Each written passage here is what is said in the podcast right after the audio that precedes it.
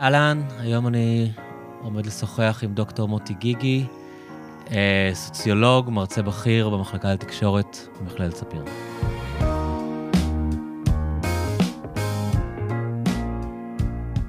היי מוטי, מה שלומך? היי אריאל, מה נשמע? בסדר. אה, האמת, כש, כשקבענו איתך, אני לא, לא, לא חשבתי על כל המשמעויות בכלל של איפה, איפה ה-7 באוקטובר תופס אותך, גם מבחינת המשפחה וגם מבחינת המכללה, כלומר, כל העולם שלך ממש נטוע שם בתוך העוטף במשך הרבה שנים. אמ, ת, תספר לי קצת, כאילו, המכללה, אין, כן. אתם בעצם המקום היחיד שאתם ואני חושב שתל חי שלא הולכים לפתוח שנת לימודים אה, השנה. להפך, אנחנו... רק בזום, רק אני מתכוון כן. פרונטלית או איך שאומרים את זה. פרונטלית, כן. קודם כל, אה, רק להגיד, תל חי דחו את זה לינואר, אנחנו mm. החלטנו אפילו לפתוח לפני האוניברסיטאות, האוניברסיטאות פותחות שבוע הבא, אנחנו התחלנו אתמול. כן. אה, ב-24 לדצמבר. כן, יש את האמירה של הפמיניסטיות שהאישי הוא פוליטי. Mm. אז הכל ביחד, אה, כן, היא יליד שדרות, והמשפחה שלי גרה בשדרות, וספיר זה חלק אה, אה, מהבית האקדמי שלי במשך כבר, מ-98, שהתחלתי וואו. ללמוד. אני למדתי בחסות בן גוריון, אבל אני למדתי פיזית במכ... במכללה האקדמית ספיר. זה ממש, זה המחזורים הראשונים של, של המכללה האקדמית ספיר. ו... מורכב. המון אה, אבל והמון חברים ומשפחה, אה, קולגות, אה, משפחה רחוקה גם שאיבדו את חייהם אה, ונרצחו בשביעי לאוקטובר. ובכלל, אני חושב שהמשמעות העמוקה של הדבר הזה זה התחושה שאני מאוד מסכים עם מה שנאמר כבר הרבה מאוד פעמים. איזו תחושה היא ש... אה, יש חילול של הבית. זאת אומרת, הדבר הזה שכאילו לא מעט פעמים דיברנו אותו, שיגיעו ממנהרות, אבל לא בכזאת כמות, ולא... אנחנו באיזה הומור שחור מדברים על זה שהם באו בדלת הראשית עם hmm. טנדרים, ולא במנהרות מתחת לאדמה, זה היה... כן, אלמנט משפיל גם. כן, אה, וזה... זה באמת קשה, אני עדיין בשלבים של אה, הלם, עיכול, כאילו כל שלבי האבל. בזמן שהמשפחה שלך, אמא שלך, אמרת לי, עדיין מפונים, כמובן. כן, כן, מה-9 לאוקטובר, כן, בטח. אה, בדיוק, אתה יודע, אתמול דיברתי עם אחי באילת, והוא אמר לי, מוטי, אני עד היום לא מעכל את זה. אני ביום ראשון שמחבלים בתוך שדרות, אני מסתובב. לחפש סופר. באותו זמן. באותו זמן.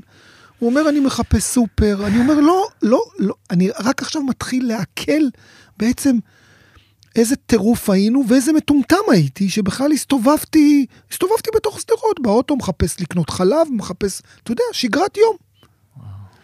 אה, אז זהו, אז זה המקום שאנחנו נמצאים בו, ויש את היום לפני והיום שאחרי. בתוך המכללה, בטח דיברתם ביניכם, הסגל, איך התלמידים מגיעים בטח פוסט-טראומטיים כן. בחלקם הגדול, עוד חיילים שבחזית והצטרפו. אה, כן, קודם כל כן, יש בין 20 ל-30 אחוז במילואים, ועוד בין 10 ל-25 אחוז מפונים. זאת אומרת... כן, אני רק, אני, זה מבחינתכם סוג של נס שזה לא קרה בזמן שנת לימודים. ברור. רוב התלמידים זה, לא היו באזור, יודע, כאילו, אם זה היה קורה... זה מסוג הדברים שכאילו... שבועיים אחרי כבר כולם שם בעצם, לא? כן, כן. אה, בדיוק שבועיים אחרי. וואו, וואו. ב-22 לאוקטובר היה כן. אמור להתחיל, אמורה, הייתה אמורה להתחיל שנת הלימודים. לא, אי אפשר להסביר כן. את הדבר הזה, ובאמת, אה, אתה יודע, זה מסוג הדברים שאתה בדילמה מאוד מאוד גדולה. יש לנו גם דיונים פנימיים בתוך המחלקה וגם בתוך המכללה, איך עושים את זה. נגיד אתמול, שבוע שעבר הייתה ישיבה ואני אמרתי, חברים, לא בפן הטיפולי, בפן הפדגוגי-חברתי, בוא נעשה זום בסוף יום לימודים, מרחב פתוח. והיה דיון. האם צריך לדבר את זה? האם אנחנו אנשי טיפול? אם יעלו דברים ותכנים קשים, איך אנחנו מתמודדים איתם? כמה זה נכון להביא את זה? כמה בתוך השיעור? באיזה רמה? באיזה צורה? באיזו דרך? ובתוך הדיון אני אמרתי להם, תשמעו, אני מרגיש עם זה טוב, כי זה גם תרפויטי, לי. זאת אומרת, לדבר את הדבר הזה. אני מבין למי שקשה לו, למי שמרגיש איזה אזורים שיכולים להיות מסוכנים מדי גם בשבילו, באופן ההתמודדות. אז הסכימו איתי, והיום אנחנו פותחים את זה בסוף היום, אבל זה באמת מעלה שאלה מאוד מאוד גדולה, כמו אה, לפני חודשיים, לפני חודשיים, שרק זה התחיל, אני העליתי שנתקשר לכל הסטודנטים ולכל המרצים, לשאול באיזה... טווח של uh, סבב של אחת לשבועיים, שלושה, לשאול מה שלומכם. ובאמת, לא ראיתי את זה כפן טיפולי, אלא באמת לשאול מה שלומכם. אבל עלה דיון מאוד מאוד גדול, מה עושים כשיש uh, התפרקות? כי אתה יכול לשאול מה שלומך, ו... והסטודנט מהצד השני יכול להתפרק, כי הוא חווה טראומה מאוד לא פשוטה. ואין לי תשובה טובה. אני מרגיש שכאילו הרעיון טוב הוא... טוב שתדע, של להפנות. בדיוק, כן. אז את העניין של ההפניה וזה, זה באמת חשוב טכנית, אבל איך אתה מתמודד עם הסיטואציה הזו? כן. כי אנחנו לא אנשי טיפול, אנחנו לא, לא מתיימרים. אף אחד לא יתארגן להעביר לכם איזושהי הכשרה ל... בדיוק, אז עברו כמה הכשרות, מרכז אקורד, אבל שוב פעם, זה ברוב, ב... לי כמישהו שגם, אני מרגיש שאני לא יודע, שלושת רבעי בתוך הסיפור הזה, כי אני כבר לא גר בשדרות, אבל כל המשפחה שלי, אז אני לא יודע איפה למקם את עצמי בתוך הדבר הזה. אתה יודע, לא לקחת לעצמי איזה, כאילו, זכויות יתר במרכאות. בדיוק, כן. אז אני, בתוך הדבר הזה של להיות עם ולהרגיש בלי, ולהיות בלי ולהרגיש עם, כאילו, אני כל הזמן שואל את עצמי, איפה המקום שלי בתוך, בתוך המרחב הזה. כמו עכשיו שהייתי שבוע שלם באילת, וזה שבוע שלישי שאני מבלה עם אימא שלי, כי אה, היא לבד, ואנחנו עושים משמרות בין האחים. אז איפה המקום שלי בתוך החוויה הזאת? ואני כל הזמן, ב... כנראה כן. זה דרך חיים, אני לא מתמיין. הגדר, בין הגדר הזה. בין העולמות כזה. כן, בין העולמות הזה כן להיות בפנים בהרבה מובנים, וכן להיות בחוץ בחלק מהמובנים. ואלו שאלות מאוד מאוד גדולות, כאילו, וגם בתוך הדבר הזה, מתי מתחילים? זאת אומרת, הרי זה היה צריך להיות ב-22 לאוקטובר, אחרי זה 15 לנובמבר, אחר כך שלישי לדצמבר, אחר כך 24 לדצמבר, ובאמת החלטנו להתחיל עם המון התנגדות. זאת אומרת, היית, הייתה כן. לא מעט התנגדות של סטודנטים. ואין לי באמת דעה. מתי הרגע שאתה אומר, אוקיי, כן? באיזה אלגוריה של מתי נגמר יום הזיכרון ומתחיל יום העצמאות. כי באמת בהרבה מובנים אנחנו, אה, אנחנו עמומים ואנחנו אבלים ואנחנו עצובים ואנחנו כואבים ו- ו- ובאמת התפרקות של כל הקהילתיות. כן, וזה מוזר ללמד עכשיו אה, מבוא לסוציולוגיה, נכון. תלמידי שנה א', כשכל דבר טעון, כל דבר שאתה מלמד, כאילו... כל דבר טעון. יש לי חבר ש... אה, באוניברסיטת חיפה, שהם פותחים אה, שבוע הבא, אני חושב. אז הוא אמר לי שהוא מאוד חושש מהמתח עם, כי כשהם הרבה סטודנטים ערבים, ערבים, וגם אצלכם יש בדואים לא נכון. מעט, אני חושב. כן. לא, לא בקטע שהיא אלימות, אבל הוא אומר שהוא מפחד שיותר מדי הרצאות יהפכו להיות תאונות מדי, ושיש שם כל כך הרבה רגישויות. אין להם ניסיון בלהתמודד עם זה. בדיוק. תראה, אני חושב שבעניין הזה, זה משהו שאותי תמיד העסיק, גם אקדמית, בין ה... אני קראתי לזה בין הסוציולוגיה לפסיכולוגיה. זאת אומרת, אה, היה לי קורס שלימדתי אותו ביחד עם אה, קולגות שלי מעל 20 שנה, על מה בין סוציולוגיה ורגשות.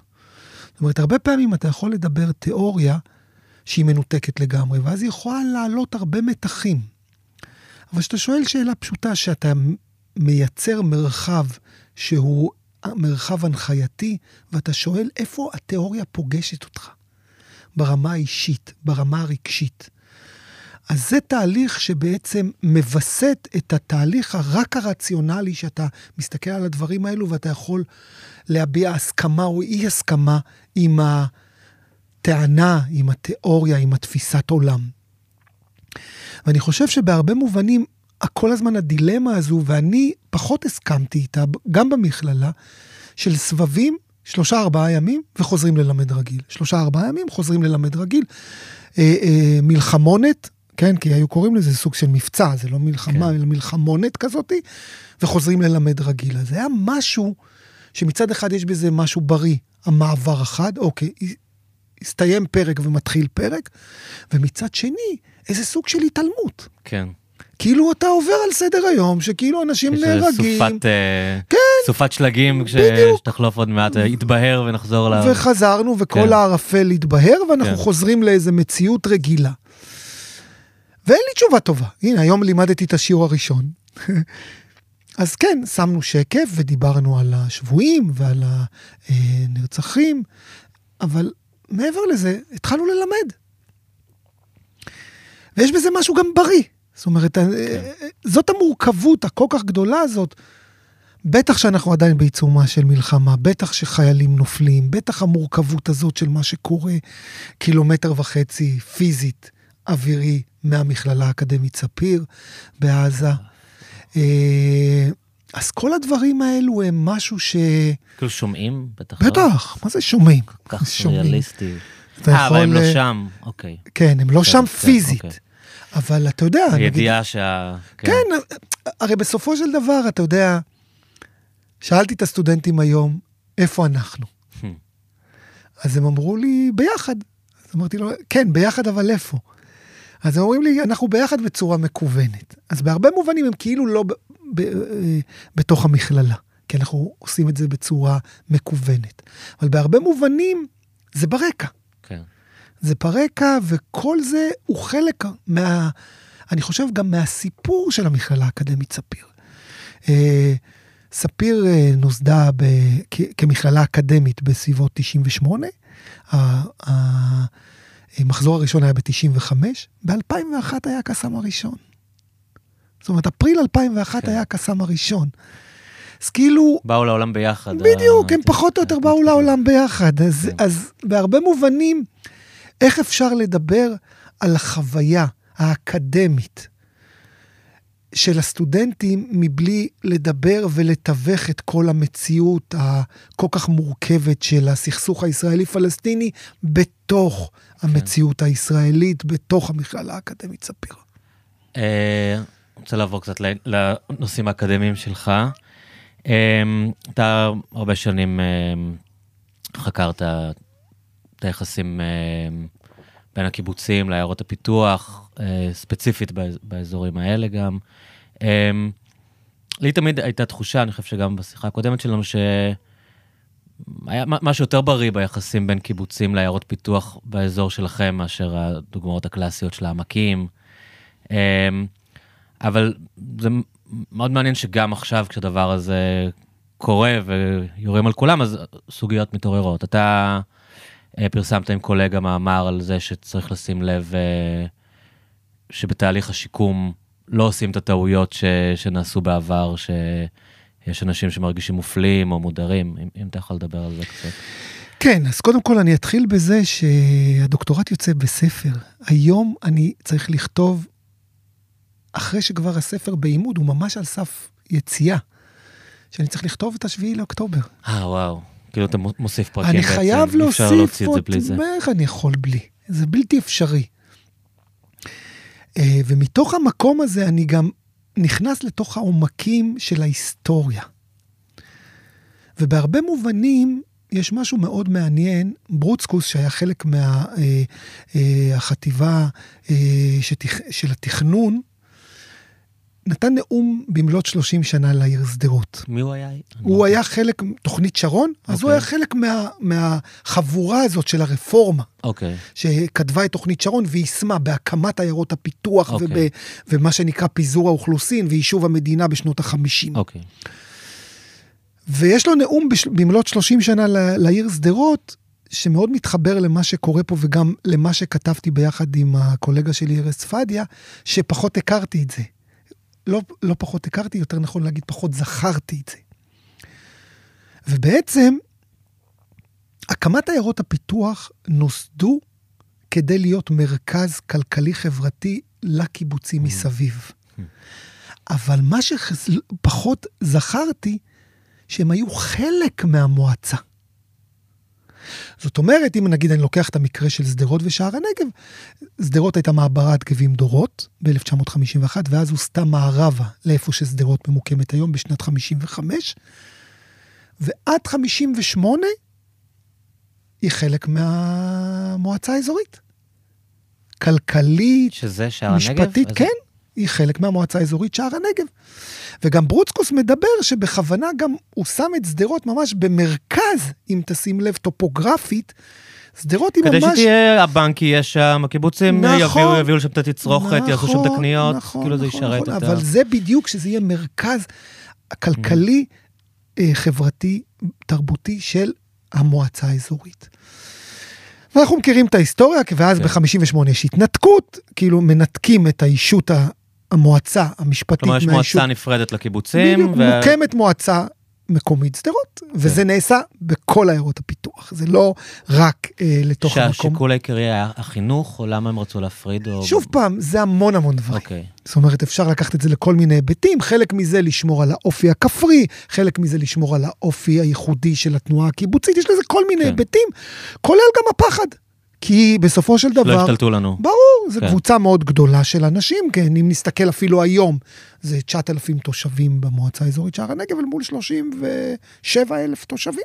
זאת כן. אומרת, ומהבחינה הזו, איך לשמור על הצביון ועל היישוב ועל הכל. אז בתוך המקום הזה, החלק הזה דווקא, דווקא העיר אותי למקום שכאילו פספסתי בקריאות האינסופיות של הספר ושל הדוקטורט, שאולי אפשר לעשות את זה אחרת היום. Hmm. זאת אומרת, הנה, היינו אה, מועצה אזורית ועיירת הפיתוח ב- ביחד, אחר כך בנפרד. זה הוביל להמון המון משקעים והמון המון אה, אה, אה, אה, לא, לא מעט ויכוחים וסכסוכים, שעכשיו, השביעי לאוקטובר זה כמו איזה ריסטארט, איזה נקודת ריסטארט כזו, שבוא נחשוב מחדש אזורית. בוא נחשוב אזורית. כי בהרבה מובנים זה מעניין, כי ככל שקרנה של התנועה הקיבוצית ירד, העוצמה הכלכלית של עיירת הפיתוח שדרות, ובאופן כללי עיירות פיתוח שנהיו כבר ערים, גדלה. מהמם. כי בעצם, בעצם כאילו נתנו לכוחות השוק לפעול. אז כשכוחות השוק פעלו, אז יש את מרכז ביג, מרכז ביג נמצא בתוך שדרות, לא יקימו את זה באחד הקיבוצים. ואז בעצם בהרבה מובנים, שגם שואלים אותי למה לפעמים התפיסה של, של אה, עיירות הפיתוח היא יותר ימין כלכלי, כי זה היה המנגנון. כי התפיסה המפא"יניקית היא, היא, היא, היא לא נתנה להם, אותם. בדיוק, היא הפלטה אותם ולא נתנה להם להתפתח. כן. ואז ברגע שנוצרה ליברליזציה של השוק, אז כאילו בהרבה מובנים, עכשיו יש את יריית הפתיחה, בוא נראה אם אני לא יכול אה, לעמוד במרוץ הזה. ואז זה באמת יצר את הכלכלה, ש, שזה היה התכנון המקורי. אז בתוך הדבר הזה, מצד אחד, המקום שלי, כמישהו שרואה את הטרלול הפרוגרסיבי של האייבי ליג ואומר, רק רגע, אני הייתי איתכם, קורה פה משהו. אתם כנראה, במקרה הטוב אני אגיד, יש פה עצלנות אינטלקטואלית. במקרה הרע יש פה הרבה דברים אחרים שאני אפילו לא רוצה לגעת בהם. ומתוך המקום הזה, כמישהו שבאמת מסתכל על דקולוניזציה ומסתכל על המקום של פוליטיקת הזהויות, אבל מבין את הגבולות, תמיד ידעתי את הגבולות, אבל השביעי לאוקטובר הבהיר לי בצורה מאוד חדה איפה הגבולות שלי ביחס לדבר הזה. אז איך בתוך המקום הזה, גם בהסתכלות שלי, בהרבה מובנים אני חוזר לקלאסיקה הסוציולוגית שמדברת אחרי המהפכה הצרפתית, איך לייצר את היש. Mm. התעסקנו ב, ב, אה, אה, בפיזור, בפירוד, בפוליטיקת הזהויות, עד לאיזה קצה שהגיע השביעי לאוקטובר, והשאלה הנשאלת, שאני שאלתי את עצמי, האם אני במקום שרוצה להמשיך את השיסוע ואת הפירוט, שאני לא באתי ממקום של שיסוע, ואני מבין את, ה, את התופעות הלוואי של הדבר הזה. אז במובן מסוים זה המקום שלי בתוך ההיבט המחקרי, שאני, כן, אני שואל את עצמי שאלות יסוד. בלתי נמנע. איפה אני, איפה אני ממוקם? אז אין ספק שאני, אה, אה, כלכלית מאוד ברור לי איפה אני.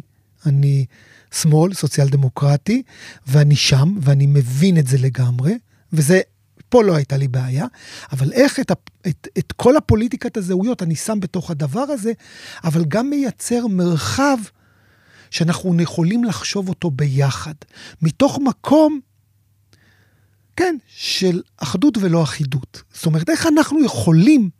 אז איך באמת אפשר לענות על ה...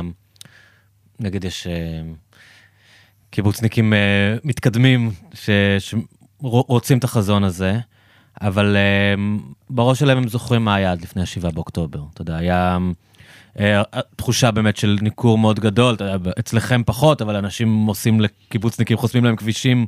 כלומר, הם יודעים את כן. הסנטימנט האנטי-קיבוצניקי, הם יודעים אה, מי זו תנועת הליכוד היום, שמשתלטת, אתה יודע, שולטת בדרך כלל בעיירות האלה. שכן, אתה יודע, יש בה הרבה שחיתות והרבה... אה, אתה אתה משלב את ה- את השחיתות עם העוינות המוטמעת. החששות שלהם הם אה, מובנים מאוד, כאילו. כן, קודם כל נתחיל בזה כן. שכן, ומיד אני יכול להגיד איזה אלטרנטיבה Mm. יש. זאת אומרת, מה האלטרנטיבה? המודל לח- הישן, כאילו. שמה הוא, לאן הוא הוביל? אז אנחנו רוצים להעמיק אותו? זאת אומרת, בהרבה מובנים, אם אנחנו חפצי חיים, זאת אומרת, אנחנו צריכים להבין את המקום הזה, כולל, כולל, שקורא, פעם היינו אומרים שזה יום הכיפורים, אז אפשר להגיד שזה יום כן. השמחת תורה, כן. שהחשיבה הזאת גם באה מהכיוונים השניים.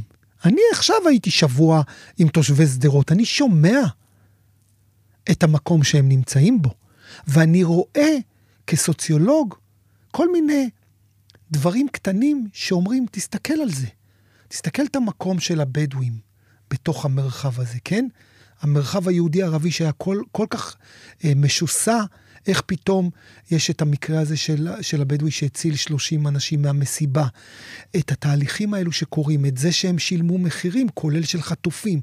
זאת אומרת, אה, אה, גם בהרבה מובנים אני רואה את שחרור החטופים, שכל האנשי אופקים שעמדו עם דגלים וקיבלו כן. אותם. זאת אומרת, אם אתה מסתכל בעין הנכונה, אתה, אתה יכול לראות שיש רצון ויש נכונות משני הצדדים לצד חשדנות ועוינות שהייתה קיימת לפני השישי באוקטובר. זה שאמרנו כולנו ביחד, זה לא אומר שאנחנו כולנו כן. ביחד, אנחנו רק השהינו את זה רגע. ועכשיו, בתוך ההשהיה הזו, ואנחנו עדיין בהשהיה הזו, כן? כי אומרים אחרי המלחמה, בשש אחרי המלחמה. אז בתוך ההשהיה הזאת בוא נחשוב, מה אנחנו רוצים? אנחנו רוצים להמשיך את השיסוע? אנחנו רוצים להמשיך את הקיטוב? אנחנו רוצים כאילו להמשיך את ה... נראה לי שזה היה צע... פסע לפני מלחמת אחים או אזרחים, אז לשם אנחנו רוצים להיות. אני מאוד מסכים עם הקונספט, אני פשוט, מעניין אותי um, ברמה הפרקטית איזה מנגנונים אפשר ליצור. כי לעשות היום איחוד רשויות, um, ברור שהקיבוצניקים ישקשקו מזה, יגידו גם ככה, עם כל מה שעברנו, אנחנו נפקיר את עצמנו לאיזה ליכודניק שאתה יודע, יתחיל להתנכל לנו. אין סיכוי, כאילו. נכון. אז, אז מה, מה המנגנונים ש, שאפשר um, לבנות אז... כדי לשאוף ל, לאיחוד כזה? או... אז נגיד סתם, התחילו כבר חלק כן. מהמנגנונים, נגיד אני מסתכל על אשכול הנגב הערבי, המערבי, יש אשכולות, התחילו לחשוב הרי בחו... בתפיסה של אשכולות.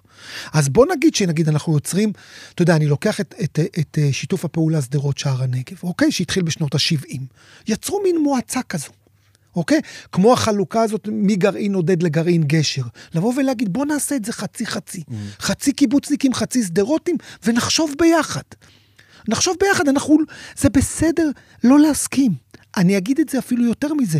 זה, זה בסדר להסכים על זה שאנחנו לא מסכימים, אבל אפשר להתחיל במה אנחנו מסכימים.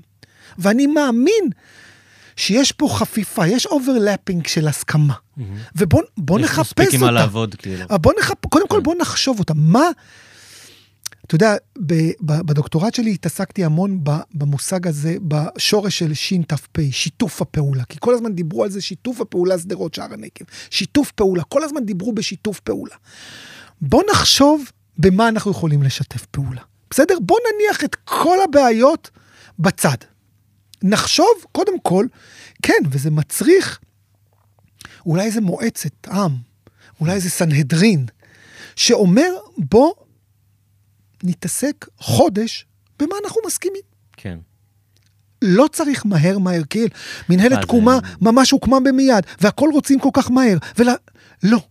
כי אידיאל זה נשמע, אתה יודע, הדבר הכי טוב שיכול לצאת מהטרגדיה הזאת, וגם משהו מאוד uh, פואטי עם הריפוי של החברה הישראלית יתחיל דווקא שם, כאילו, הלוואי. כי בסופו של דבר, אריאל, בוא כן. נניח כן. את הדברים על השולחן, בסדר? הרי בסופו של דבר יש פה כמה מימדים שמתחברים יחד. יש פה את השסע האתני עם השסע המעמדי והשסע המרחבי. ואם אנחנו מכניסים את הערבים, יש פה את הלאומי. זאת אומרת, אלו השסעים החזקים ביותר, יש כאלו שיכניסו גם את החרדי ואת כן, הציונות כן. הדתית. בסדר, אבל אלו השסעים. כן.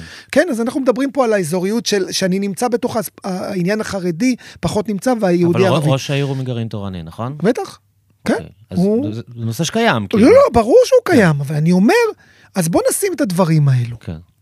אוקיי? ובתוך הדבר הזה, אנחנו נשאל את השאלה הבסיסית ביותר. אנחנו חפצי חיים? אחד. כן או לא? אני חושב שכן, מי שחושב שלא, אז אין מה לדבר. בסדר, אנחנו לא חפצי כן. חיים, אז מה אנחנו עושים פה? מה אנחנו עושים פה? כן. אז אפשר כבר, מה שנקרא, לקחת את הדרכון השני, כי כולם עושים דרכון שני, וללכת לחפש את החיים במקום אחר. אז אם אנחנו חפצי חיים, ואני חוזר לנקודת ההתחלה, ואנחנו רוצים לחיות ביחד, אז אנחנו חייבים להבין איפה כואב לי. אני, כמישהו שהיה עסוק בשאלה השדרותית המזרחית, וזה אני רוצה להבין, באמת, לעומק, איפה הפחדים של הקיבוצניקים. מה הם הדברים שמדירים שינה מעיניהם? אני רוצה להבין את זה. אני באמת אומר את זה בישר ובתמים. עכשיו, אני לא מייצג אף אחד, אני מייצג את עצמי. אני מייצג את עצמי בפרקטיקה הזאת של בין העולם האישי שלי כתושב האזור, לאקדמי שלי ולפרקטי שלי. זאת אומרת, אלו שלושת הצלעות שאני מנסה לחשוב אותן. ומתוך המקום הזה, בין האישי לחברתי, לאקדמי, פוליטי, מה אנחנו יכולים לעשות כדי להבין את האחד את השני יותר? כי האוטומט שלנו הוא לחזור לשישי לאוקטובר. זה האוטומט. כאילו, ברגע, אנחנו כבר רואים את זה. זאת אומרת, אם אנחנו שמים לב מה קורה... אז איך אפשר באמת להניע תהליכים? אז יש כבר כמה יוזמות, זאת אומרת, אני גם נמצא בכמה יוזמות. מין פורומים של חשיבה? איגוד המתכננים בלחשוב איזה חשיבה אזורית, ועכשיו, שבוע הייתי, ב, שבוע שעבר הייתי באיזה יוזמה של שתיל על כל הארגונים החברתיים של כל אזור הדרום, איך אפשר לחשוב ביחד. וזאת האמירה. גם ארגונים של החברה האזרחית הערבים, הג'יק ועוד לא מעט, מנסים לחשוב איך אפשר מצד אחד לעשות את האני הפרטיקולרי של החזון והמטרות של הארגון הספציפי, אבל גם לראות את שיתופי הפעולה. איפה ה blind spot של כל אחד כדי לחשוב בחשיבה אזורית. זה מאוד מורכב. זה, זה מאוד קשה גם. זאת אומרת, האוטומט עכשיו, בטח אחרי הטרגדיה, כל אחד חושב על עצמו. אבל זה מה שמדיר שינה מעיניי, וזה מה שמדאיג אותי. והיום, כן, אני, אני אומר את זה כמישהו אה, שהוא יליד שדרות, היום לשדרות יש הרבה מאוד כוח, זה כבר לא כמו פעם. זאת אומרת, ואז... איך מסבירים את ההצלחה היחסית של שדרות? ההצלחה של... ביחס לעיירות פיתוח כן. אחרות, כאילו. אה, אין לי תשובה טובה לתת על זה, גם ניסיתי בדוקטורט, אז אני יכול להגיד... המיקום הטופוגרפי שלה, היא מוקפת רק קיבוצים. יש, רוב עיירות הפיתוח יש גם מושבים וקיבוצים, שדרות כולה רק קיבוצים ובמרכז. לא רחוקה מדי ולא קרובה מדי למרכז הפיזי. כן, תל אביב זה 70 קילומטר, להבדיל ממקומות אחרים שהמרחק יותר גדול, כמו ניקח את ירוחם, קריית כן, שמונה, כן. אופקים, אה, שהמרחק הוא הרבה הרבה יותר גדול. אה, וגם, אני חושב שהייתה פה סימביוזה מעניינת. חלק, הפרויקט שיתוף הפעולה שדרות שער הנגב, שהוא הועתק אחרי זה למקומות אחרים והוא לא הצליח באותה מידה, זו, זו הייתה יוזמה מלמטה. זה לא הייתה יוזמה מלמעלה. זאת אומרת, הרצון של הביחד הזה, הוא נולד, הוא נולד על אף ולמרות הקשיים. זה גם קיבוצניקים אחרים? איך? כאילו, אולי זה גם קשור התרבות של הקיבוצים האלה גם, שהם? כן, קיבוצים אבל... יותר חדשים אולי, עם פחות... אה, יכול להיות שזה גם קיבוצים חדשים, וזה גם יכול להיות שהיו אה, קולות, אבל, אבל אני, לא, אני לא יכול להגיד שזה אה, אה, קול שהוא ייחודי רק למועצה. האזורית. קשה, אין לי, אין לי אה, אה, יכולת אמפירית להגיד שיש כן. פה, אתה מבין? כן, כן. אינטואיטיבית אני יכול להסכים איתך, אבל בגלל שהקיבוצים נולדו, אה, נולדו בשנות ה-40 ואלו בשנות ה-20, זה מה שהופך את ההבדל של יותר אה, אה, גזענות או יותר פטרנליסטיות. אני חושב ש... עוד פעם, זה מאוד, לא, פעם, מאוד לא מדעי מה שאני אומר, אבל אני חושב שהקיבוצים העתיקים, יש להם קצת יותר את הסנוביזם. יכול, ואת אני לא אומר שלא, שאתה... אבל זה בדיוק העניין, כן. אין לי את היכולת האמפירית האקדמית. עכשיו, כן. אם אתה שואל אותי כ, כמישהו שמסתכל מהצד ולא אקדמית, אני יכול להגיד שיש יש, יש אולי אמת במה שאתה אומר. אה, אז זאת נקודה, וגם בתוך הדבר הזה, גם, אתה יודע, קיבוץ עירוני. זאת אומרת, גם מעבר לזה, אני חושב ששדרות, אני אגיד גם משהו הפוך. שדרות עשתה לקיבוצי הסביבה הרבה יותר ממה שעיירות הפיתוח האחרות עשו, עשו לסביבה. נגיד, אני מסתכל מה בית שאן השפיע על הקיבוצים באזור.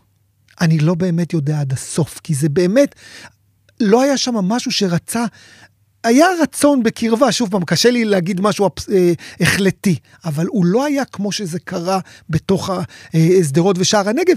אני יכול להגיד לך שאחד הפרופסורים באוניברסיטת תל אביב, כשהוא שמע על מה אני עושה את הדוקטורט, הוא אומר לי, תשמע מוטי, אין לי מה להגיד לך מדעית, אבל כשאני שומע תושבי שדרות, אפילו בשפה העברית, היא נשמעת לי קצת אחרת ביחס לעיירות הפיתוח אחרות.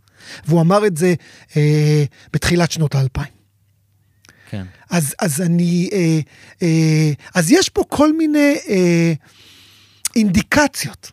ההצלחה התרבותית של הלהקות, כן, כן. שגם בטח נתנה קצת גאווה מקומית, לגמרי. והשפיעה על הדימוי של העיר. לגמרי, וגם כן. הצלחות של אנשים. אתה יודע, כן. יש לא מעט אנשים שמאוד הצליחו, בטח בסדר גודל של עיירה כזאת קטנה. מירי בועדנה, שמעון אמסלם, כאילו יש שם, יש המון דמויות שזה, וגם בעולם העסקי, יש לא מעט, יהודה בן אסייג, מנכ"ל מנור המבטחים, יש המון אנשים שהם דמויות, שהם אה, אה, לאורך השנים. אה, אז, אז באמת, אז יש את האמירה הזאת של איתן אה, אה, מהאוניברסיטה הפתוחה, תכף אני אזכר בשם משפחה שלו, שהוא אומר שכאילו שדרות רחוקה אבל לא רחוקה מספיק, שהם יוכלו מצד אחד לאהוב אותה, אבל מצד שני היא לא יכולה להשפיע על המרכז מדי. זאת אומרת, איזה טיעון כזה חצי מרחבי. במקום נוח לכולם כזה. בדיוק, כן, אפשר לחבב את כן. שדרות, כי היא ממוקמת לנו. כן, זה לא בת ים וחולון עכשיו. בדיוק, את חולון וזה אנחנו צריכים כן. להפריד בצורה מאוד כן. ברורה, כי הם אה, מאיימים עלינו. כן. שם זה לא מאיים, ואפשר כזה לחבב מרחוק. אז כאילו הנה, משהו קצת אולי אוריינטליסטי אפילו. לגמרי, כאילו, כן. כן, גם אוריינטליסטי, גם איזה, איזה מימד שהנה... אתה יוצא לנגב. כן, פה, כן, כן, לצפון כן. הנגב, לכלניות, מדי כן. פעם לתוך הדבר הזה. כן. וכמובן, אי אפשר להתעלם ממה שקורה ב-22 שנים האחרונות, שההיבט הביטחוני הוסיף עוד המון אמפתיה לשדרות ולאזור, כי באמת זה, אה, שדרות חוותה אה, טראומה ארוכת שנים, אז גם שם, אז אם אנחנו מוסיפים את שנות ה-60 וה-70 וה-80 וה-90, אז שנת 2000, מאז שזה התחיל, 2001, אה, אז זה עוד 20 שנה שכאילו יש פה המון המון אמפתיה למה שקורה בשדרות. אה, אז, אז אלו בעיקר אינדיקציות אה, ש, ש, שאני חווה אותם, אבל אין לי דרך להוכיח אותם. כמו שאתה אומר ביחס לסנוביזם הקיבוצניקי של, של נגיד קיבוץ רוחמה אל מול כנרת, או כן. בית אלפא. כן, כן. אה, אז, אז אין ספק שגם אלו קיימים, אבל אני גם לא מכיר מחקר כזה שעשה את ההבדלים האלו על האופן שבו הקיבוצים תופסים אחרת את, ה, את עיירות הפיתוח. זה באמת נושא למחקר שיכול להיות מאוד מעניין. איך אתה רואה, קודם כל מדברים על לחזור כבר, זה, זה נראה לך פרקטי או שזה סתם מנסים לסגנל להם? מתחילים לדבר על תאריכים וכאלה? כן, אה, תראה, השמועות רצות בין, כן. uh, בין פברואר לפסח, אז אני, אני לא יודע, אז זה פער של חודשיים בין פברואר לפסח. כשמי לחוץ שהם יחזרו? זה, זה לחץ מה, מהשטח? זה לחץ מהאוצר שנמאס לו לממן? אה, מה, איך, איך אתה בערך רואה את הדינמיקה בתוך... אני חושב שזה גם העניין של לממן, וגם אני חושב שיש לחץ של המנהיגות המקומית, בטח כי, אתה יודע, בסוף ינואר יש בחירות. Mm. אתה מבין, זה נראה מוזר שיבחרו לראש עיריית... בינתיים עוד לא. בינתיים אני לא יודע על... רוצים לדחות בחודש נוסף. אני נכון? חושב, כן, כן, אבל עדיין לא דחו. אוקיי. זאת אומרת, מחכים עם זה, אבל נכון לעכשיו, כן. שחודש הבא יכול מאוד להיות שאם יחליטו שלא דוחים, אנשים יבחרו את ראש העיר מאילת, או מים המלח, או מירושלים ותל אביב ונתניה.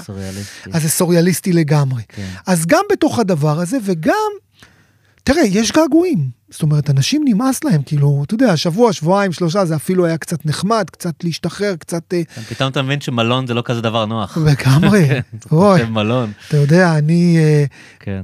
לימדתי אתמול, ואני שעות חיפשתי מקום, אתה יודע, נגיד, זה אפילו באילת, רוב הבתי קפה זה עם מוזיקה. כאילו אין את החוויה התל אביבית שיש מקומות שקטים שאתה יכול לעבוד, ולא היה לי איפה ללמד, עד שמצאתי איזה פינה בתוך המלון, שגם שם קצת הפריעו, זה, אין פרטיות, אה, זה מורכב מאוד. וזה, גבול, וזה משפחות של חמש ושש נפשות, קטנים, זה לא, לא פשוט בכלל. אז, זה, אז גם יש את הלחץ הזה, וגם רצון, אתה יודע, לחזור לאיזה סוג של שגרה. גם אנשים לא עובדים, חלק מהאנשים לא עובדים. תחשוב על עובדי העירייה, תחשוב, כאילו, זה שלוש, כן. כמעט 80 יום שלא עובדים. כן, אפשר להשתגע. אפשר להשתגע מזה. אז, אה, אז זה חלק מה, ממה שקורה ביחס למה עושים עם זה וכמה זמן יחזיקו עם זה מעמד. אה, אבל אה, כשאתה פוגש אנשים במלון, יש לך הרבה מכרים חוץ מהמשפחה, התחושה היא שאנשים חוזרים? כאילו שיש אנשים שאומרים... לא, יש גם וגם וגם, אתה יודע, וגם אתה יודע, בפרקטיקה, אני הייתי לפני, בסבב הקודם שהייתי שבוע, היה את הזעקה מהחות'ים, ואז אתה מבין... שאין לאן לברוח. גם אין לאן לברוח וגם את הטראומה שהם נושאים איתם. אני באיזשהו שלב כן. הבנתי, היינו באמצע ארוחת ערב, רציתי להקים את אימא שלי, אימא שלי בת 86, הבנתי שעדיף שהיא תשב וניקח את הסיכון של החות'ים. מאשר עוד ריצה לממ"ד. היא יכולה ליפול. כן, היה ראיון עם איזה קיבוצניק שאמר, אני יותר לא הולך לממ"ד, לא אכפת לי. כן. כאילו מין שיראו שזה, אני לממ"ד לא נכנס לחיים שלי. חד משמעית, גם ההיסטריה שהייתה שם, כן. וילדים רצים וצרחות, וכאילו, אמרתי, זה, זה יותר בטוח שהיא תישאר פה וניקח את הסיכון מאשר... אה, יכול, זה ממש... ליפול, אבל לא להעביר אותה דרך ה... לגמרי, זה סכנת חיים, זה ממש כן. הייתה תחושה של סכנת חיים, ואז אתה מבין את העוצמות של הטראומה, של איך זה לחיות. זאת אומרת, יכול להיות שגם אנשים שיגידו, אני חוזר באיזשהו סבב ראשון, זאת אומרת, כשהם יגיעו הם יבינו שהם לא באמת מסוגלים להתמודד עם זה טוב. הם לא מסוגלים להתמודד, בעיניי הם לא כן. לא מסוגלים להתמודד, ועכשיו פה צריך להניח את השאלה הכלכלית. זאת אומרת, בסופו של דבר, וזה נכון. כן, מה, מה עושים? השאלה הכלכלית, מה עושים, וגם השאלה הכלכלית, מי יכול לאפשר לעצמו לעזוב? זאת שאלה. כאילו המדינה אין פתרון אמיתי לתת להם, לא הצליחו לטפל במפוני גוש קטיף, אז בוא תטפל עכשיו בכל שדרות ו... ברור. עכשיו, כן. בתוך הדבר הזה, כל עוד המדינה מממנת, אז הם מצליחים להיות מחוץ לשדרות. אבל אם המדינה היום תחליט שהיא מפסיקה לממן, אז מי שיוכל, גם, אתה יודע, לכמה זמן הוא יוכל, אבל נגיד שהוא ייקח על עצמו עוד כמה חודשים, אבל בסופו של דבר, לא מעט אנשים אין להם ברירה. זה הבית שלהם, זה המקום שלהם, וכלכלית הם לא יכולים לאפשר לעצמם לעבור, כולל זה שנאמר שבהרבה מובנים, הטבת המס היא כאילו בהרבה מובנים, כאילו אה, התמכרו לאשליה. ולא מעט גם קיבוצניקים אמרו את זה. התמכרנו לאשליה של הטבת מס, של 95 אחוז אה, גן עדן ו-5 אחוז גיהנום, והנה, התמכרנו עד אשר כן, כאילו יש פה איזה עוקץ כמעט, אתה לא מבין שאתה משלם את המחיר. בדיוק. אני אפילו חשבתי, היה תקופה בחיים שאמרתי למה לא ללכת לגור בעוטף, אה, נכון. וליהנות מהטבת המס, נכון. כאילו... אבל זה, זה, לא כזה, זה לא כזה עסקה טובה. זאת לא עסקה טובה, כן. בטח שיש לך ילדים קטנים, אבל, אבל תראה, בסופו של דבר, אני חושב שמשהו, אפרופו קונספציה, שמו את האזרחים להגן על המדינה. זאת אומרת, בסופו של דבר, קראו לזה טפטופים, קראו לזה קסאמים, סבבים, מלחמות, מלחמות, מלחמות קטנות, אה, אה, מבצעים וכולי וכולי. בסופו של דבר, היה פה משהו ש, שאתה חושב אותו לעומק אחרי 7 לאוקטובר, שהוא מעוות בתכלית שלו. שהוא בעצם אומר, המגן הוא המגן האזרחי. זה בלתי נתפס. כן. ואני יכול להגיד, זה קרה חצי שנה, זה קרה, זה 22 שנים. ובהרבה מובנים, כולם, כל האזור, שתק לזה. בסדר, אז היו תקופות של התעוררויות והיו תקופות של הפגנות קטנות, אבל בסופו של דבר, כשאתה מסתכל על זה לעומק, אתה בוחן את זה 22 שנים, הם קיבלו את המצב. כן, אפילו האשקלונים היו יותר, אה, כן. יותר רועשים כן. מהחבר'ה בשדרות וזה, כן. זה ממש ככה. ובהרבה מובנים, כאילו, נוצרו כל מיני מערכים של הגנות. אם אני מסתכל, 2001 זה התחיל לקרות, ב-2008 היה את החוק המיגון. ואז מיגנו את כל הבתים, אז היה כן. ממ"ד, אז הייתה תחושה של ביטחון. זה מדהים שזה בכל מקום זה אותו דבר, זה כל מיני פלסטרים, זה כמו המכשול התת-קרקעי, אז יש את המיגון, זה הכל... בדיוק, אתה רואה איך לא, בעצם... לא לפתור את הבעיה, אלא לטפל בסימפטומים כל הזמן. בדיוק, הטיפול בסימפטומים לאורך זמן. ועכשיו בתוך הדבר הזה זה כאילו החוויה היא, וזה מה שאני חווה אותה, ואני חווה אותה גם מהמון קיבוצניקים שאני שומע אותם בעיקר בתקשורת, אבל לא רק, שהם מבינים שזהו, שזה הגיע, 7 לאוקטובר בעצם טרף את הקלפים. זאת אומרת, אין לנו אלא להבין שאנחנו לא יכולים להיות מגן אנושי יותר. וה, והאזרחים צריכים להיות מוגנים על ידי הצבא, שתפקידו להגן עלינו. ואם אנחנו נספוג את זה שוב, אפילו פעם אחת, אז בעצם אנחנו נכנסנו לאותה מציאות, ומתוך המציאות הזאת אני חושב, לא רק לתושבי האזור, מה זה אומר על המדינה? ולא רק לתושבי האזור, אלא לכל אחד שגר בכל מקום. כי כרגע אנחנו רואים גם את הצפון וגם את הדרום, כבר מעל 120 אלף מפונים. כן. זאת אומרת, זה פליטים בארצם. יש לנו 120 אלף פליטים. ולדבר הזה צריך פתרון. עכשיו, איך עושים את זה עם כל המורכבות הזאת? אי אפשר להתעלם ממה שקורה בעזה. כן, עכשיו בדיוק דיברו על זה אתמול שאחוז הרוגים, אחוז מהאוכלוסייה, הם הרוגים. כן, מטורף. אז איך אנחנו מתמודדים עם כל המורכבות הזאת? של לייצר שגרת יום, לא להפוך אה, אה, המגנים של, ה, של המדינה, אה, ומצד שני לייצר איזו מציאות שהיא קצת אחרת. שהיא גם מייצרת גם אופק. אומרת, אני לא מצליח להבין איך אפשר לחשוב ללא אופק. כאילו, מה יהיה ביום שאחרי? ואנחנו לא יודעים מה יקרה ביום שאחרי, כמה זמן זה עוד ייקח, מה יקרה ביום שאחרי, לאיזה מציאות הם יחזרו. אז אנחנו מבינים שרוב הקיבוצים מצאו פתרונות כי אין להם איפה לגור אפילו. אבל אחרי זה, אחרי שנה, אחרי שנתיים, זה, זה מדובר עד שנתיים לכל היותר, מה יהיה? ולכן ההסתכלות צריכה להיות הסתכלות אזורית. הנה, מה יהיה ביום שאחרי? עכשיו, בתוך הדבר הזה, אפרופו מה שדיברנו על מרכזים, לא, שבוע שעבר ראינו בעל מאפייה בשדרות. אז הוא אומר, אני לא מצליח להגיע ל, ל, ל, להכנסות שלי, זה לא רק בגלל שתושבי שדרות לא נמצאים. אנחנו הפכנו מרכז לכל הקיבוצים באזור. וגם אם הם לא יחזרו... יש כבר תלות... אה, ברור, כבר יש את התלות הכלכלית, כי, כי באמת שדרות נהייתה מרכז. נהייתה מרכז גם בשירותי הרפואה, גם בשירותי המסחר, זה באמת נהיה מרכז. אז בהרבה מובנים יש פה תופעה מעניינת שהתחלתי אותה קודם, בין המקום הזה שקרנה של התנועה הקיבוצית ירד, והליברליזציה של השוק יצרה מרחבים שבעצם הפכו את שדרות למרכז כמו שהיא הייתה אמורה להיות. מבחינת הכיסוי התקשורתי של, ה... של האירועים, אה, היה בהתחלה באמת אה, פיקוס, פוקוס מאוד אה, גדול על מה שקורה בקו הראשון של, של הקיבוצים, באמת סיפורים מסמרי שיער, ו... ולקח זמן עד שקיבלנו תמונה על מה, מה שקורה גם בעיירות פיתוח. זאת אומרת, האימג'ים הראשונים שנחרטו זה האימג'ים של בארי, ו... נחל עוז, והרגיש שכזה מגיעים לשדרות אחרי, אה, כן. אחרי כמה ימים. אז כן, באמת בהתחלה, באמת הפוקוס היה, כי זה באמת, שם כן. הייתה הטרגדיה הגדולה ביותר. אבל כן, אחר כך היו, היו דברים שאותי העסיקו ברמה אפילו האישית, נגיד אה, אה, טבח הגמלאים.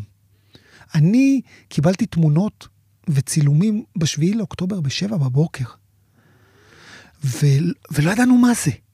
זאת אומרת, הכתבה הראשונה הייתה ב-16 לאוקטובר, כתב על זה רוני גרין בוויינט. על הגמלאים שנטבחו שם? על הגמלאים, כן. שהם היו רובם יוצאי ברית המועצות? יוצאי ברית המועצות שנסעו לטיול מים המלח, מאופקים לנתיבות, לשדרות, מצאו... אה, באוטובוס בדרך לטיול? באוטובוס לדרך לטיול היו צריכים לאסוף כמה תושבי שדרות, היה mm. להם פאנצ'ר, התחילו ה... אה, אז הרבה מהם לא תושבי הדרום בכלל ש... הם מאופקים ונתיבות. אוקיי. כן, רובם הם באופקים מנתיבות. אבל היה שם משהו שלא הבנו מה זה.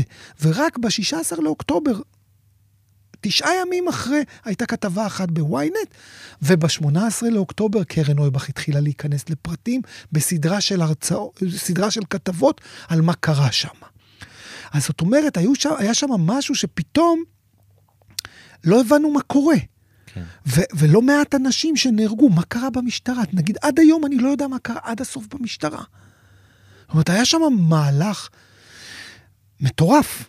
זה, זה מבנה שעם אה, אה, חדרי מעצרים, זה, זה בטון מזוין, שמוטטו אותו לגמרי. ואף אחד לא הבין מה קרה שם, כולל המון שוטרים שנהרגו, תושבי שדרות, שאני מכיר אותם מילדות. ולאט לאט הסיפורים התחילו uh, לבצבץ, אבל באיחור של משהו כמו בין עשרה לחמישה עשר יום, שיש עדיין סיפורים שאנחנו לא מכירים אותם עד הסוף, ואני מאמין שלאט לאט הם יצאו החוצה. זה קשור למרכזיות של, ה... של הדמויות גם, נגיד, אני חושב, המקרה הקיצוני של פנסיונרים uh, רוסים.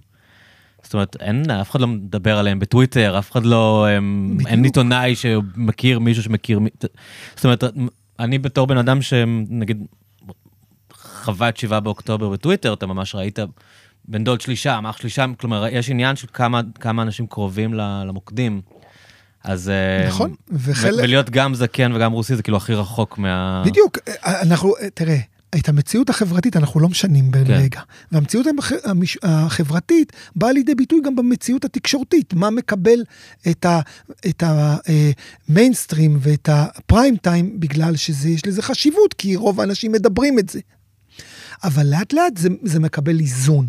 אבל אני רוצה להגיד לך, כל מיני תוכניות, נגיד, תוכנית נהדרת ש, של פודקאסט על הסיף. mm-hmm. שלקח.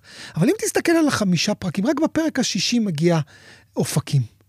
זה כאילו מתחיל אה, כפר עזה, כפר עזה, אה, אה, בארי, אה, אה, נובה, ואז בפרק השישי שהייתה בהפס... אה, שהיה בהפסקה.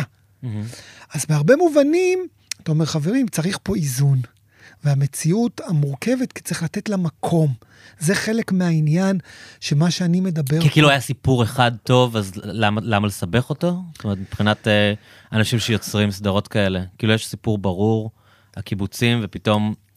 שוב פתאום פעם... ללכת למקומות אחרים זה כאילו הופך להיות קצת סיפור אחר או, כזה, זה, ש... או, שזה, או שזה שם, או שנוחות למי להגיע, mm, או שיש פה... מכירים את האנשים כן, כבר. כן, כבר מכירים את האנשים. אפרופו, הסתכלתי כן. בטוויטר, פניתי, פניתי לאנשים וזה קרה. שוב פעם, לא אה, אה, שאלתי על מה קרה בתהליך ההפקתי מאחורי הקלעים, אני מסתכל ו- ומנסה להבין בתוצרים מה קורה ולמה זה מגיע בכזה איחור. אתה יודע, אני מכיר אנשים, אחד הסיפורים, נגיד שאני מכיר בשדרות, שאני לא יודע כמה סיפרו אותו, אתה יודע, אני מכיר אותו, אה, שהוא אה, אה, עובד בכבאות, הוא לוחם אש, והוא היה צריך להיות בבוקר בקריית גת, שכח את התיק. כאילו יצא לכיוון קריית גת, והוא לא היה צריך להיות בשדרות באותו יום, שכח את התיק, חזר אחורה, והוא ספג RPG. נהרג במקום. אז את הסיפור הזה אני לא מכיר כמה סיפרו אותו, אבל נגיד, תושבי שדרות מדברים אותו. Mm. אתה מבין? וזה סיפור. ו- ובאמת, נתקלתי בסיפור הזה כי אני חבר בפייסבוק כן. של אח שלו. אז יש לא מעט כאלה סיפורים שאתה מכיר אותם אבל הם, הם, אה, לקח זמן עד שזה יתבשל. ובהרבה מובנים, כמישהו שהוא, אה, יש לו רגישות לדבר הזה, אני כל הזמן מנסה להגיד, חברים, תשימו לב, תשימו לב, הסיפורים הם סיפורים, וצריך גם וגם וגם, לתת את המקום. וצריך את הרגישות הזאת, והיא מחויבת, נכון, ואני בא מה, מה, מהמחלקה לתקשורת, ואני מכיר סדר יום, ואני מבין את הלחץ, ואני מבין את ההפקתיות. אבל גם יש עניין של תקשורת מסחרית אתה יודע, הסיפור של, המס... של המסיבה הוא הרבה יותר... נכון. אפילינג מבחינה תקשורתית, ברור, אנשים צעירים ויפים, ברור. לעומת זקנים... אה, נכון. כן. נכון, אז, אז, אז זה בדיוק העניין, איך אנחנו אה, צריכים להתמודד בדבר הזה. אז אני אומר, נגיד, נגיד ב, אה, אתה אומר לי על הערוצי אה, תקשורת המסחריים, אבל אני יכול להסתכל ולהגיד, כן, אבל יש את, את התאגיד. זאת אומרת, יש לנו גם אה, ערוץ ממלכתי. אז, אז גם במקום הזה אני אומר, צריך פה רגישות, בטח בטרגדיה כל כך קשה. כן. וכשקרו שם כל כך הרבה דברים כל כך קשים, שצריך לתת להם מקום. ואז, אם אתה לא רואה את המקום, אז אני, כמישהו שהוא מחובר להרבה פייסבוקים של תושבי שדרות, אז אתה מרגיש את התסכול לאט-לאט. Hmm. ואז אתה אומר, רק רגע, מה... למה אני רואה את הפרצופים בטלוויזיה ולא רואים אותנו? ולמה לא רואים אותנו? וגם באופ... באופקים. הנה, עכשיו מתחיל דיבור על העניין הזה, למה לא נותנים לנו את המקום? ועכשיו עיר של גיבורים, הנה גם המיתוג של זה, איך לייצר אותו. אז באמת, אם, אתה, אם עכשיו אני אשאל את הלך הרוח הציבורי, מה אתה זוכר מאופקים, אז זוכרים את רחל מאופקים כן. והעוגיות. פולקלור כזה. פולקלור, כאילו כן. הנה, היא הצליחה לשכנע אותם, נתנה להם עוגיות ואיזה דחקה. כן. אתה מבין? אבל... לא אסון. אה, כן. כן. אז עכשיו, בתוך הדבר הזה, אני קיבלתי נתון, אני לא יודע כמה הוא נכון, אבל אני חושב שהוא די מדויק, שמקום המדינה עד השביעי לאוקטובר נהרגו משהו כמו 53 נר... אה, אה, אנשים באופקים, במלחמות ישראל ופעולות איבה, וביום הזה 48. ביום אחד. תבין מה זה אומר. אז, אז הטיפול פה מחייב רגישות, כן, ואין לנו ברירה. כי עוד פעם, כי זה האוטומט להיכנס מה שדיברנו קודם. כי אם לא האוטומט יגידו, הנה, לא סופרים אותנו ולא זה, ואז זה, זה, שלי וזה שלי, ואני בצד הזה ואתה בצד הזה, ואנחנו חוזרים לסיפור הזה של קמצא ובר קמצא. כאילו, אנחנו חוזרים בדיוק למקום הזה של ה... של ה שנאת חינם ולא ביחד ננצח, כמו איזה, איזה תפיסה שאומר, חברים, אנחנו צריכים לחשוב כגוף אחד. וכגוף אחד צריך לחשוב את זה גם ביום שאחרי. ולא אה, אה, רק עכשיו שאנחנו במלחמה, אלא איך ביום שאחרי לתת את המקום, כן, יש מקום לכולם. נקודת ההנחה, אם יש לי רק מקום, אז זאת נקודת ההנחה שאומרת זה אני ולא אתה. אבל אם זה גם אני וגם אתה, יש מקום לכולם. ואפשר להכניס את זה בפרופורציות נכונות. בעיניי, זה גם המשמעות, ואני אה, אסיים בזה, של ללמד ותקשורת במכללה האקדמית ספיר. של לבוא כל הזמן באיזה תפיסה שיש מקום להכל. ו- ו- והמקום להכל בעצם מייצר תקשורת יותר עשירה, ונותנת מרחב לכל הקבוצות בחברה הישראלית, כי, אה, כי אנחנו חברה של שבטים. ואם אנחנו רוצים לחשוב כעם, אה, אה, בהרבה מובנים אנחנו צריכים לתת מקום לכל, ה, לכל הקבוצות האלו, וכן, להבין שזה שלנו, שכולם ירגישו שזה חלק, שהם חלק וזה שלהם. אם זה ירגיש שזה לא שלי, כן, אפרופו המהפכה המשפטית, בית המשפט הוא לא שלי והוא לא מייצג אותי והוא לא חלק ממני ולא זה, אז אנחנו חוזרים לאותם מקומות. ידועים, נושנים ולא נעימים. הגענו לסוף הזמן שלנו, אבל אני מרגיש שכן, נתת עתיד אפשרי שהלוואי ש... ש... שהנקודה הזאת תהפוך להיות איזשהו... אני מרגיש... צומת ל... לשינוי ולריפוי. כן, אני מרגיש שאין לנו דרך אחרת. זאת אומרת, מהבחינה הזו, אני אומר, אם לא, אם לא נצליח, אז אנחנו לא מצליחים. זאת אומרת, בעיניי, mm-hmm. זה, זאת... זה, זה, הכיש... זה, זה המבחן האמיתי. זה כאילו. המבחן. בעיניי זה המבחן כן. האמיתי שלנו. אחרי חמש מערכת בחירות, אחרי ההפיכה המשטרית, אחרי השביעי לאוקטובר, אם אנחנו לא נצליח להסתדר בינינו, אנחנו כנראה לא מסתדרים. Hmm. ו- ועם כל הצער שבדבר, זה כנראה איזה גט כריתות, ואני לא רוצה להיות שם. זאת אומרת, זה בדיוק המקום ששואל את עצמו ביחס לדבר הזה, זה איפה אני בתוך המקום הזה, כאיש אקדמיה וכאיש האזור, איך אני רוצה להיות חלק מהפתרון ולא חלק מהבעיה. כי מה שעשיתי לאורך זמן זה להגיד, חברים, יש פה בעיות, בואו נתקן אותם. אבל בואו נראה עכשיו איך אנחנו יכולים להיות חלק מהפתרון, כי זה בדמנו. דוקטור מוטי גיגי, תודה רבה. תודה רבה לך, אריאל. הייתי מה לדבר איתך.